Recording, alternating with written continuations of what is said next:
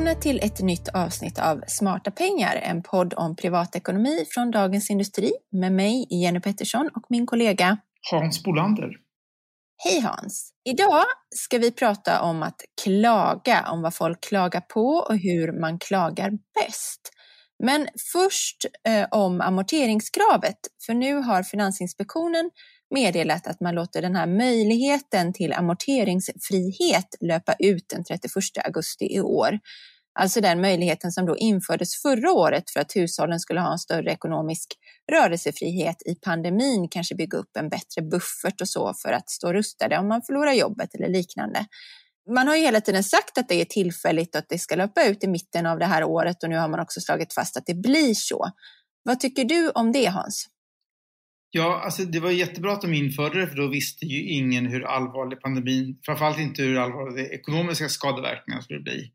Eh, jag tycker att det är rimligt att ta bort det här nu för att eh, jag menar, bostadspriserna gick ju bara ner väldigt kort tid och sen har det tickat på uppåt. Tvärtom har det varit nästan en hås på bostadsmarknaden och ekonomin har inte tagit så mycket stryk förutom några vissa utsatta branscher. Så jag tycker det är, är, rätt beslut givet då att eh, grundbeslutet att ha ett, amorter, ett annat amorteringskrav. Att det är, eh, så då är det helt logiskt att de gör så här, Finansinspektionen. Och om i värsta fall eh, vi skulle inte få bukt med pandemin ordentligt och vaccineringarna misslyckas av någon anledning och sådär, då kan man ju alltid återinföra det här igen. Så att, det är inte så att de stänger eh, lådan för evigt. Så att jag tycker Nej. det var ett förväntat och, och rimligt beslut. Och det Finansinspektionen påpekar är också att, att det, banken har ju alltid sedan amorteringskravet infördes haft möjlighet att göra undantag om någon hamnar i ekonomiska problem, till exempel på grund av sjukskrivningar, arbetslöshet eller så. Nu var det ju då ett generellt undantag man gjorde under den här perioden så att, så att den som hamnar i trubbel kan ju fortfarande få amorteringsfrihet under en period då, tills man kanske kommer på fötter igen, får ett nytt jobb eller så. Ja, men det är en jättebra poäng. Och det är, liksom, det är, trots att nu alla har kunnat få det så är det, jag tror att det var 9 som har ansökt om att få amorteringsfrihet. Eller slippa den här amorteringsregeln. Mm. Så det är inte så att alla har rusat till utan de flesta har faktiskt fortsatt att amortera som tidigare. Ja, de flesta är ju trots allt opåverkade av pandemin och kanske till och med har mer pengar i plånboken nu när eh, man inte har kunnat resa eller eh, kanske inte går ut lika mycket, köper inte ja, Nej, man går inte exakt. på restaurang på samma sätt och så. Så att på så sätt har ju kanske till och med privatekonomin förbättrats för, för en del personer. Men det, det kan ju också vara anledning, en anledning till att priserna på bostäder fortsätter att stiga och har gjort det ganska kraftigt. Och även priserna på fritidshus har ju stigit mycket kraftigt. Ehm, för att folk har haft det där lilla extra utrymmet då i ekonomin så tycker man att man kan ta i lite till ja. när man ska ja. köpa bostad. Och det pekar ju på eh, Finansinspektionen på, eller det är ju Finansinspektionen oroar sig för, för den utvecklingen, att hushållen belånar sig allt mer. Som ju var grunden till amorteringskravet från början då, ja. såklart. Ja, vi får se vad som händer, men i alla fall 31 augusti är det slut för, det, för detta för den här gången, ska vi väl säga.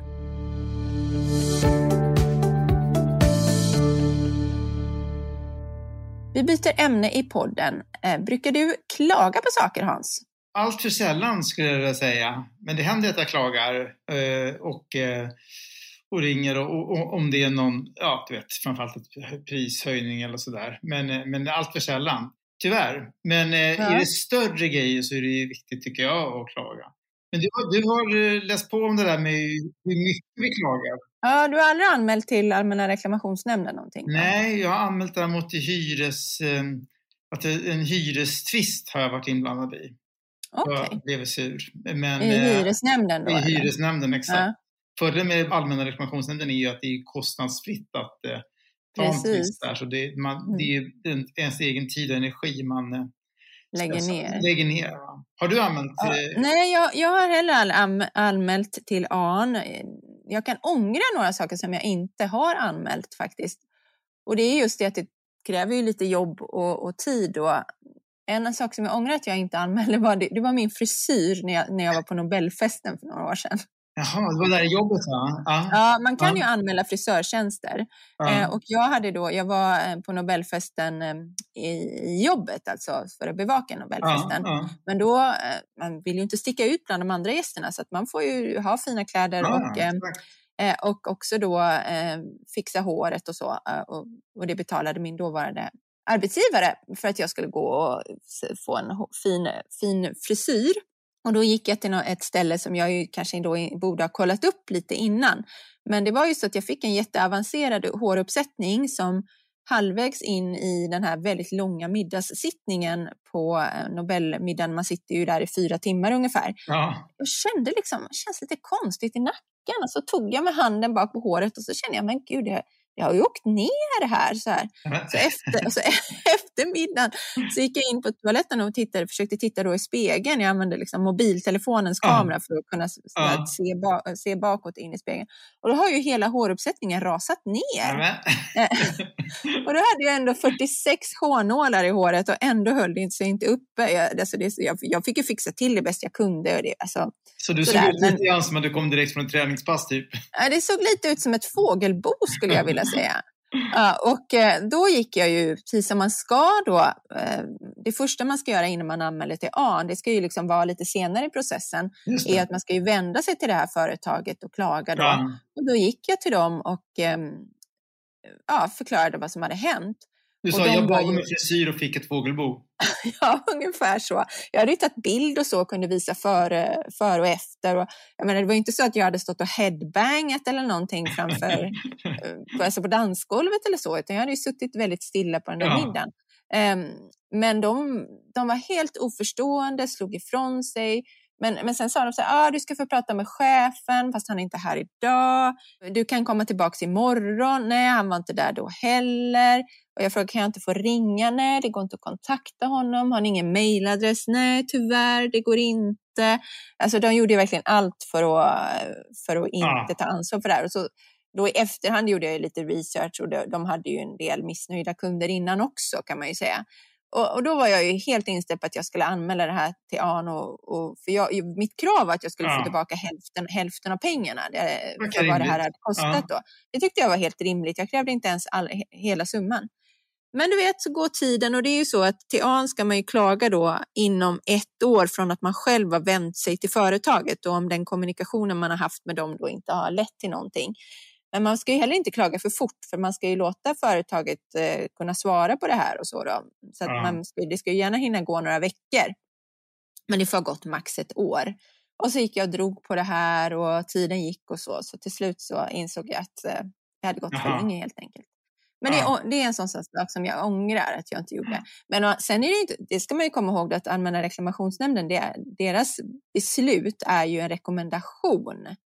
Eh, och det är ju inte så att eh, deras beslut är tvingande. Nu följer ju, nu är ju följsamheten ganska god då. Det kan variera lite mellan olika branscher hur, i stor, hur, hur stor grad företagen följer. Inom motor är det 70 procent, inom resor 80 procent och bank och försäkring är det över 90 procent som följer besluten i AN. Då. De, de som är ehm. rädda om sitt renommé, de följer väl besluten, men de som ja, antingen blir det för dyrt att följa besluten eller så struntar de i renomméet för de tycker de har så mycket kunder ändå. Men det finns väl några exempel på några stora, var det inte Ryanair någon som, som Ja, det finns ju några som i... kontinuerligt struntar, ja. så det är ju de som såklart står för merparten av de här siffrorna då som tycker att eh, AN i grunden resonerar ja. fel. Så det finns ju några sådana stora företag som alltid hamnar på den här. De säger bara see, see, see you in court istället. Ja, typ så. Och det kan man ju också göra. Man kan ju gå till tingsrätten också, men det, det kan vi ju ta lite senare.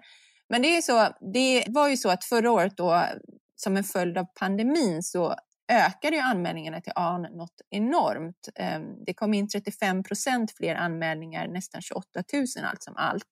Ja. Och då är det, var det mycket med inställda resor, inställda konserter, motionslopp ja. och sådana här grejer. Då. Så det var just de kategorierna som ökade väldigt mycket. Men det man ska komma ihåg är att ungefär hälften av alla anmälningar som kommer in skrivs ju av då. Och det kan ju vara, dels kan det ju vara för att parterna helt enkelt har kommit överens. Det är väldigt vanligt att det tar lite tid, men sen då när AN kommer upp och eh, ja, då kanske företaget förstår att det är lite mer allvar och så når man någon slags eh, överenskommelse. Men en stor anledning är också att man helt enkelt inte har skickat in tillräckligt med underlag eller att man är för sent ute då. Eh, och också att ibland så anmäler folk fel motpart. Det kan Jaha. vara till exempel som det här med resor då, att man anmäler, om man har en flygresa som har blivit inställd eller så, så anmäler man liksom resebolaget, men det är ju flygbolaget man ska klaga hos då mm. och, och, kräva tillbaka pengar från. Så då, då har man, om man har anmält fel motpart så blir det ju inte heller prövat då. Så grund, grundrot måste ju vara då läs på innan du gör en anmälning? Ja, precis. Och av de ärenden som då prövades i sak, där fick konsumenten förra året då rätt i lite mer än fyra av tio fall, så lite drygt 40 procent alltså. Ja. Så eh, det är inte så att konsumenten alltid har rätt på något sätt enligt ARNs Nej, det vore ju konstigt. Det. Och det, det varierar också mellan kategorier. I det som kallas den allmänna kategorin, där, där till exempel det här med motionslopp och konserter och sånt ingår, där får konsumenten rätt så ofta rätt. Men bank och försäkring, där är det mindre än en av tio, alltså så här 8-9 procent som får rätt. Men det, det finns en ganska rimlig förklaring till det tycker jag. Och de har ganska mycket, de har väl egna klagomåls, en egen klagomur så att säga, ansvariga för sig. Man, man har väl väldigt mycket dialog med bank eller försäkringsbolaget innan man Ja, de har ju flera insta precis, precis. De har ju flera instanser internt där man kanske börjar, ja, där man kanske går tre, till tre olika nivåer inom banken eller försäkringsbolaget innan innan det liksom är färdigutrett där. Och Aha. där anser ju AN då att banken och försäkringsbolagen ofta tolkar eh, lagen helt rätt. Så mm. därför så de ärenden som hamnar hos AN, där är det väldigt sällan då som konsumenten får rätt. Men det händer ju såklart. Men jag har läst ganska många av de där avgöranden och många handlar ju om att man har blivit utsatt för någon form av investeringsbedrägeri. Just nu är det väldigt mycket kopplat till sådana bitcoin-bedrägerier. Och då tycker anmälaren att bankens eh, system då borde ha förhindrat vissa transaktioner eller, eller förhindrat att, man, att det ska tas ett lån i ens namn och så vidare. Men man ska ju helt enkelt inte signera någonting, till exempel med sin bankdosa eller mobilt bank-id på någon annans uppmaning. Och det är ofta det det visar sig att folk har gjort då. Och, och man tycker att man har lurats in i detta och, och, och många av de här bedrägerierna är ju otroligt raffinerade och tek mycket tekniskt skickligt uppbyggda. Så många tror att de kommunicerar med banken fast det är någon helt annan och sånt. Då. Mm. Men, men tyvärr, man måste själv vara väldigt uppmärksam på det här. Ja. Till exempel var det en person som hade gått med på att ladda ner något program då för att kunna investera i bitcoin som sedan visade sig att eh, det programmet gav liksom den här bedragaren kontroll över datorn och kunde sedan då ta lån och göra transaktioner och så. Och det är klart att man aldrig ska ladda ner ett program på någon eh, okänd Nej. person. Så, så det, det, är helt rimligt att man inte får rätt, rätt ja. där. Ja, även det där med bitcoin verkar vara ett jätteproblem. Ja, verkligen. Det ska man ju vara otroligt uppmärksam på. Men sen så ska man också komma ihåg att om man klagar så har ju motparten då både en skyldighet och, och också en rättighet att få åtgärda felen. Så till exempel om man är missnöjd med en hantverkare så man kan ju tycka att de är riktiga klåpare och, och, det kan ju vara så att man har tappat förtroendet för dem också, men de måste ändå få ges chansen då att avhjälpa det här inom skälig tid innan man kan pröva det hos till exempel ARN. Ja. Men du ja. nämnde ju här att, att det är gratis att få en twist prövad hos ARN. Men det finns ju också, man kan ju också gå till tingsrätten om man vill. Då kostar det lite, men inte så jättemycket. Nej, det var inga stora pengar va? Nej. Nej, där kan man ju eh, göra någonting som heter förenklade tvistemål och det är då när värdet på det man bråkar om är mindre än ett halvt prisbasbelopp och det är cirka då 24 000 kronor ja, ungefär. Precis. Och då den som vänder sig till tingsrätten, då, då finns det en avgift på knappt 1000 kronor. Och sen så finns det då om man förlorar så måste man betala lite, en liten summa av vad den andra parten har lagt ner då för, ar för sitt arbete. Men där har man satt en gräns på ungefär 1200 kronor. Så, att, så liksom ett par tusenlappar är vad, om du förlorar är det vad det kostar dig att få det prövat i tingsrätten. Då. Eh, och det är ju faktiskt några som gjorde det nu, till exempel eh, med SAS förra året, ja, när man inte precis. fick tillbaka pengar. Sen är det väl värt att kolla också vad man, när det gäller så tvistemål, att man ska kolla i, i hemförsäkringen finns ju ett typ av rättsskydd. Så man kan ju få läsa på där och se vad, vad det täcker så att säga. Jag tror inte det egentligen täcker generellt sett till för att man ska stämma någon och så, utan men däremot om man råkar ut för någonting och, och det hamnar i domstol och så ska man kunna få hjälp där. Men det är ju det är bara, man får läsa villkoren helt enkelt i sin hemförsäkring. Ja, just det. De gäller, det gäller inte för de här förenklade tvistemålen, men Nej. större tvister man hamnar i eller om man själv blir stämd eller så. Precis. Så är det jättebra att man har ett sådant skydd i, i hemförsäkringen. Man kan ju också vända sig till Kronofogden eh, för att göra ett betalningsföreläggande om man inte får tillbaka pengarna. Det var det också många som gjorde. I SAS-fallet ja. ja. Eh, där fanns det liksom ingen tvist. SAS var ju, man var ju överens om att SAS skulle betala ut pengar, bara det att pengarna kom aldrig. Och då var det ju några som vände sig till Kronofogden och det kostar 300 kronor att göra ett betalningsföreläggande där. Då. Mm. Och jag ska i ärlighetens namn säga, jag vet inte om de personerna i slutändan fick pengar snabbare än någon annan, men det satte väl viss press på, på SAS i alla fall. Ja, det är väl det stora signaleffekten. Det finns några sådana tidsgränser som kan vara bra att ha koll på också om man köper varor eller tjänster och sådär. Um, för att veta hur man, hur, hur, vart man ska vända sig, hur man ska gå tillväga och sånt. Och det, det är ju ett fel som visar sig inom sex månader efter köpet. De anses då alltid vara ursprungliga fel. Och annars blir det då säljarens um, då ska säljaren bevisa att det inte är ja, så. Där har ja. ju liksom konsumenten ett ganska starkt skydd de första sex månaderna. Men sen har man ju tre år på sig att reklamera ja. och det på, som då inte påverkas av någon eventuell garanti och så. Eh, och så har man tio år på sig att reklamera om det är arbete på fast mark kallas det, typ byggjobb och sådär, man har byggt om badrummet eller köket och upptäcker sånt. Men då är det lättare naturligtvis för säljaren att säga att det är något sorts handhavande fel, att man har använt Precis. produkten eller, eller fel på något sätt, eller slitit onormalt slitage och sådana här saker. Då ligger ju bevisbördan på, på dig som konsument då, att ja. du ska ta fram vad som eh, och så sen ska ett fel då generellt reklameras inom två månader från att det upptäcktes. Ja. Eh, så, så att man inte ska gå, man ska inte gå, gå och dra på det. Liksom. Och så komma ihåg det där med att det inte får gå mer än ett år då, innan man eh, vänder sig till Allmänna reklamationsnämnden.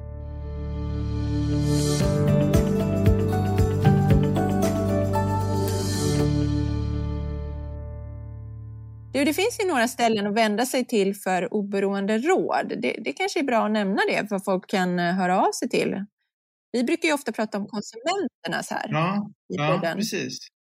Det är ju oberoende och där finns det ju flera olika. Då finns det Konsumenternas bank och finansbyrå.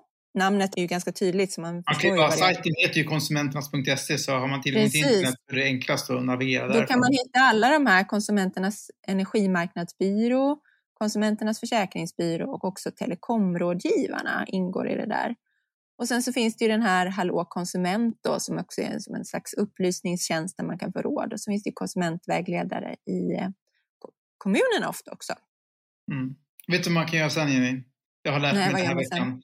Det här, det här är ju, eh, du har ju skrivit som att det här är Money Week och då läste jag en undersökning också. Vad lär sig folk mest om privatekonomi? Jo, då är det så här, sju av tio säger att de har lärt sig om privatekonomi av familj och släkt.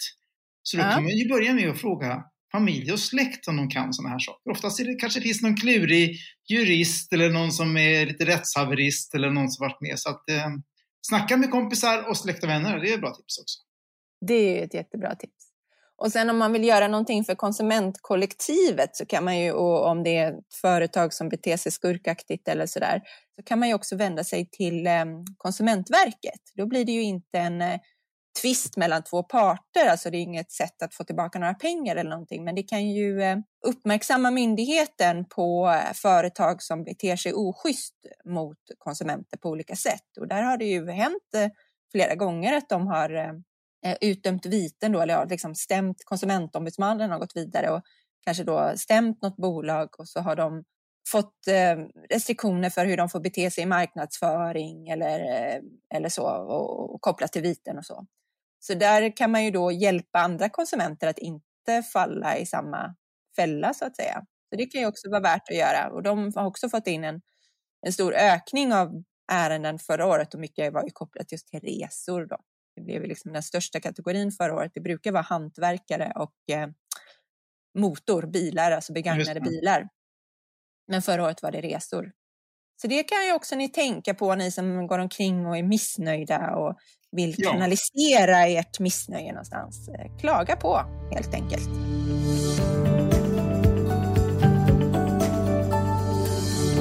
Vi ämne igen i podden, vi har lite upplyftande siffror om vår privatekonomi kanske man skulle säga, kunna säga Hans. Du, eh, för det finns ju statistik som visar hur mycket mer vi har i plånböckerna nu jämfört med om man tittar bakåt ett visst antal år. Hur ser det ut med det där? Nej, men det, det är faktiskt förvånansvärt om man tittar på det hela att eh, på 15 procent högre disponibel inkomst eh, på en eh, på en, jag tror att det är tio års sikt här nu, eh, alltså inkomsten efter skatt och, och eh, bi, eventuella bidrag och sådär. Det, alltså, räknat till tusenlappar så är det ju så att det är ju, det är ju många familjer som har fått eh, 10 000 mer i månaden i plånboken som förändras på, på sista ja, två decennierna kan man säga.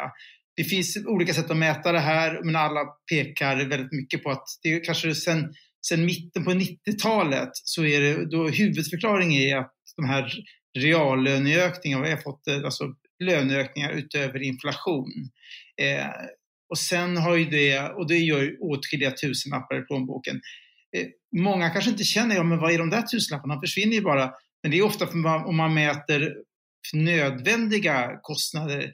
Men sen har man ju alla, inte alla, men många höjer sin standard kontinuerligt. Då tänker man inte på det. Kanske alla i familjen ska ha en mobiltelefon och vi byter tv-apparat och man har, många har två bilar och man kanske har ett fritidshus och sådär. Så att standarden höjs och då försvinner pengarna. Det här utrymmet kanske man inte upplever det, men det är ju ändå en väldigt mycket högre materiell standard än vad vi hade för, för 30 år sedan till exempel. Det, Sen har det här, men sen ska man ju komma ihåg att det här fördelas ju också ojämnt.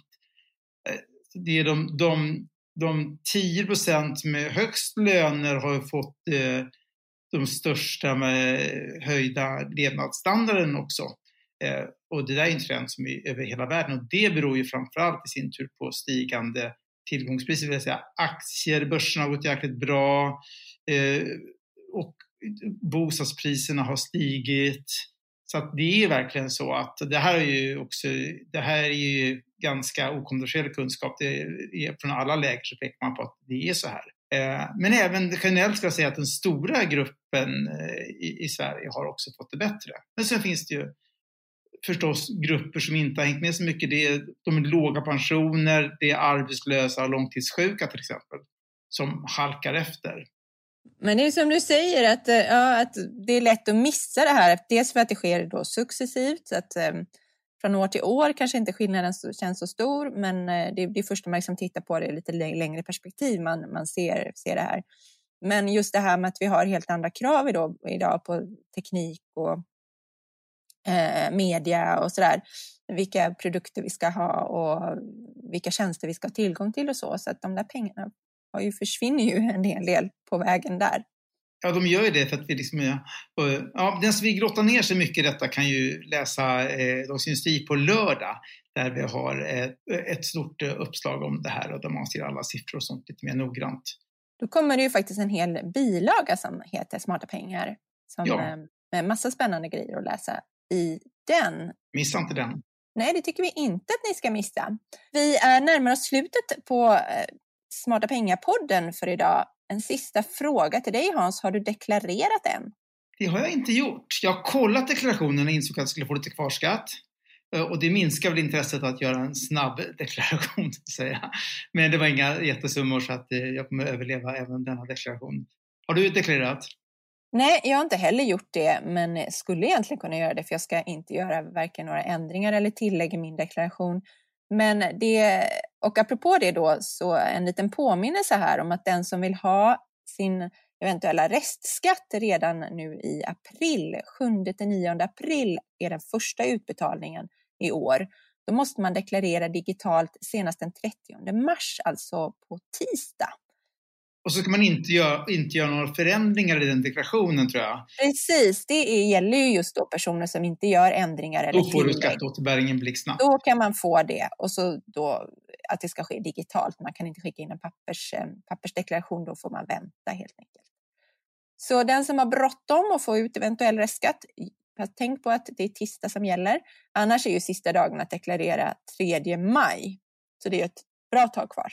Ja, det kommer vi återkomma till. Det finns en speciell pandemiregel i år också, att om man, den som postar in deklarationen, då räcker det med att posta den 3 maj. Man behöver inte, den behöver inte vara Skatteverket Jag ska inte ha inkommit då alltså. Mm. Men eh, ja, så glöm för att eh, lämna inte in för sent, för det finns en förseningsavgift på i alla fall lite drygt tusen spänn och det var ändå ett par tusen personer som åkte på det i fjol. Ja, det kan man ju faktiskt ändå ha roligare för. Ja. Det räcker ju till någon trevlig utflykt under semestern eller någonting. Eller, eller att driva lite småmål då till tingsrätten. Ja, det kan man också använda det till. Som kanske genererar en, ännu mer pengar om man får rätt i tingsrätten. Då vill Ja. säga. Så med det så säger vi tack och hej för idag. Smarta pengar redigeras av Umami Produktion och ansvarig utgivare är Peter Fällman. Innan vi går härifrån helt och hållet så vill vi tipsa om våra andra poddar som DI har. Där har vi mycket att botanisera i. Ge oss några exempel Hans. Ja, vi har ju eh, Analyspodden. Eh, den är kul om man gillar eh, börs och aktier och marknader. Eh, mycket räntor är det i Makropodden. Vi har eh, Förnuft och känsla med eh, näringslivspersoner, djuplodande. Och sen har vi också väldigt många dagliga eh, poddar, Ekonomikollen och, liknande. Så att eh, kan man ta del av det dagliga flödet när man är ute och promenerar eller vad man nu gör, sitter i bilen eller så. Mycket bra, gör det och så hörs vi igen om ett par veckor. Hej då! Hej då!